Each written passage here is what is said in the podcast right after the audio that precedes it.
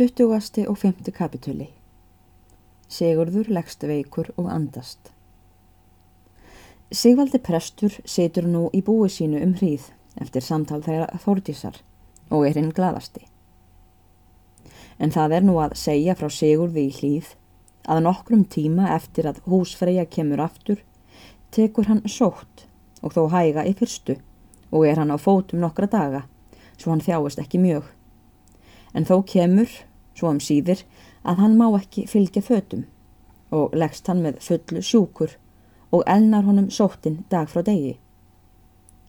Í þann tíma voru fáir menn á Íslandi þeir er larðir voru til læknismentar eða þá síslu hefði af konungs hendi að lækna sjúka menn. En margir voru þeir klerkar og leikir menn á landi hér er fengust við lækningar. Hafðu sömur numið þá íþrótt af bókum en sumir af öðrum mönnum. Var það sannast að segja um lækna þessa, sem oft kann að verða, að misjafnir sögðir finnast í mörgu fyrir. Voru sumir að nokkru nýtir, en sumir blendur læknastóma sína ímsum hindurvitnum og galdrakukli. Var það og allt títt um sjúkdóma þá er ekki voru algengir og menn skildu ei orsakir til að þeir voru kemdir göldrum og gjörningum sendingum og ættarfylgjum.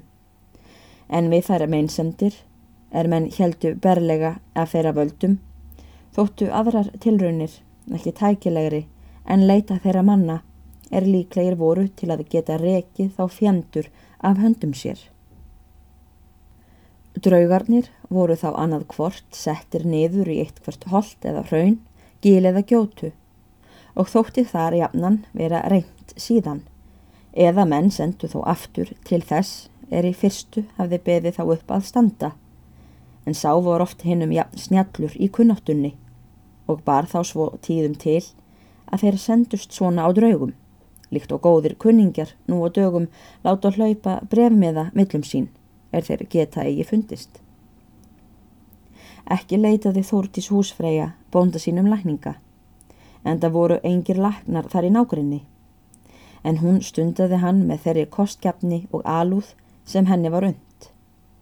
Var húsfreyja marg fróð og hafði tekið vel eftir ímsu, er lækningar snerti, en aldrei hafði hún lagt mikla trú á hindurvittni eða hegóma í þeim efnum. Reyndi hún nú og það er henni þótti líklegast og hún hafði séð við haft í eins háttuðum sjúkdámum sem henni virtist sótt bóndasins leið svo fram nokkru daga að ekki skiptist til batnaðar um heilsufar Sigurðar. En eftir það tók sjúkleiki hans að snúast á undarlegan hátt. Mátti hann nú nálega enga værið fá, en þá sjaldan hann fekk svefnhafga nokkur, hafði hann drauma illa og vaknaði þá með ráðlissi og órum. Fylgdi þar með hræðsla mikil, ofsjónir og ofbóð, svo að varla mátti hann haldast í sanginni. Þórtís húsfreyja vakti yfir bónda sínum nætur og daga. Bjó hún sér til flat sæng eina fyrir framon rúmstokk bónda og láð þar, svo hún ætti hægra með að gæta til hans, er hann vekti eða þyrti einhverjar hjókrunar við. En þegar hana sigraði svefn eða þreita, að hún gati ekki lengur vakað, tók Sigrún við af henni og vöktu þar fóstrur þannig til skipta öllum dægurum. Það var eina nótt um það leiti sem menn voru flestir gengnir til sængur í hlýð. Það þórdísi sigraði svefn. Tók hún þá nokkur sængurfödd og lagði niður í rúm eitt sem var þar fram á loftinu og jafnan var aukt. Hugði hún að hún gæti betur sopnað þar en inn í svefnherbergi fyrir hjóna og segir hún Sigrúnu að kalla til sín ef nokkuð berið það til að hún geti ekki úr ráðið og er húsfræja ætlar niður að leggjast, heyrir hún að þurriður kertling vakir. Svaf hún þar í næsta rúmi sem fyrri um þveran gafl og gjörðist nú gömul mjög.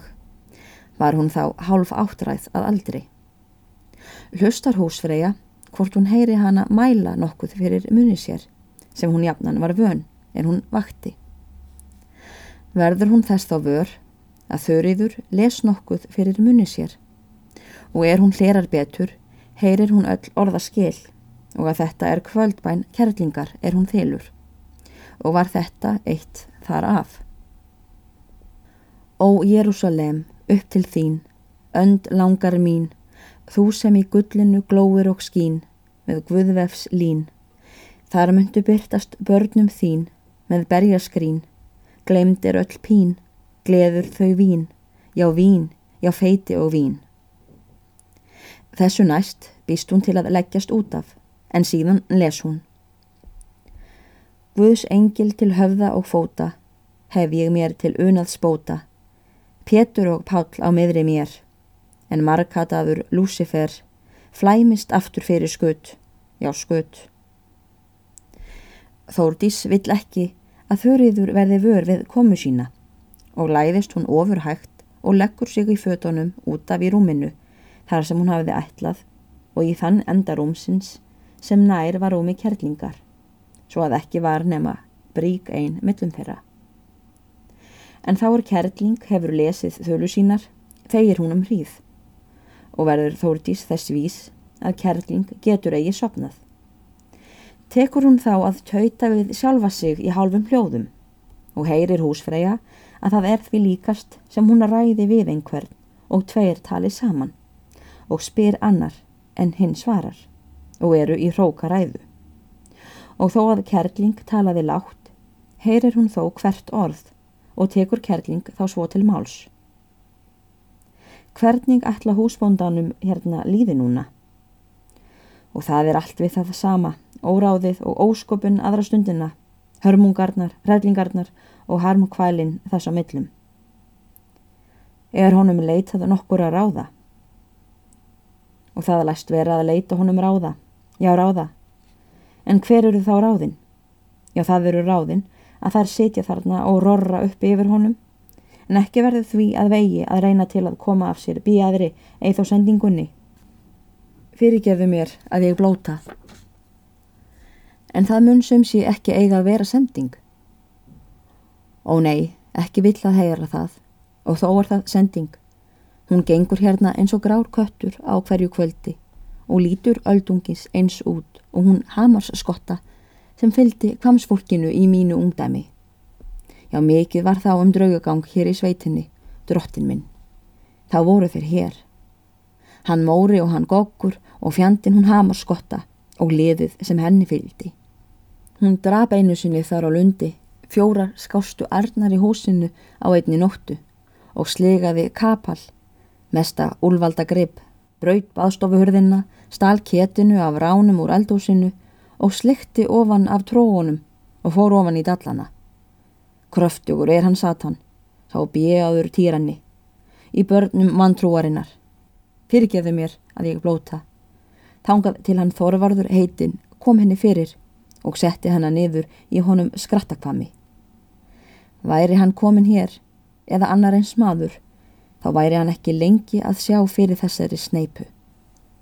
Og þá var hann móri fallegur.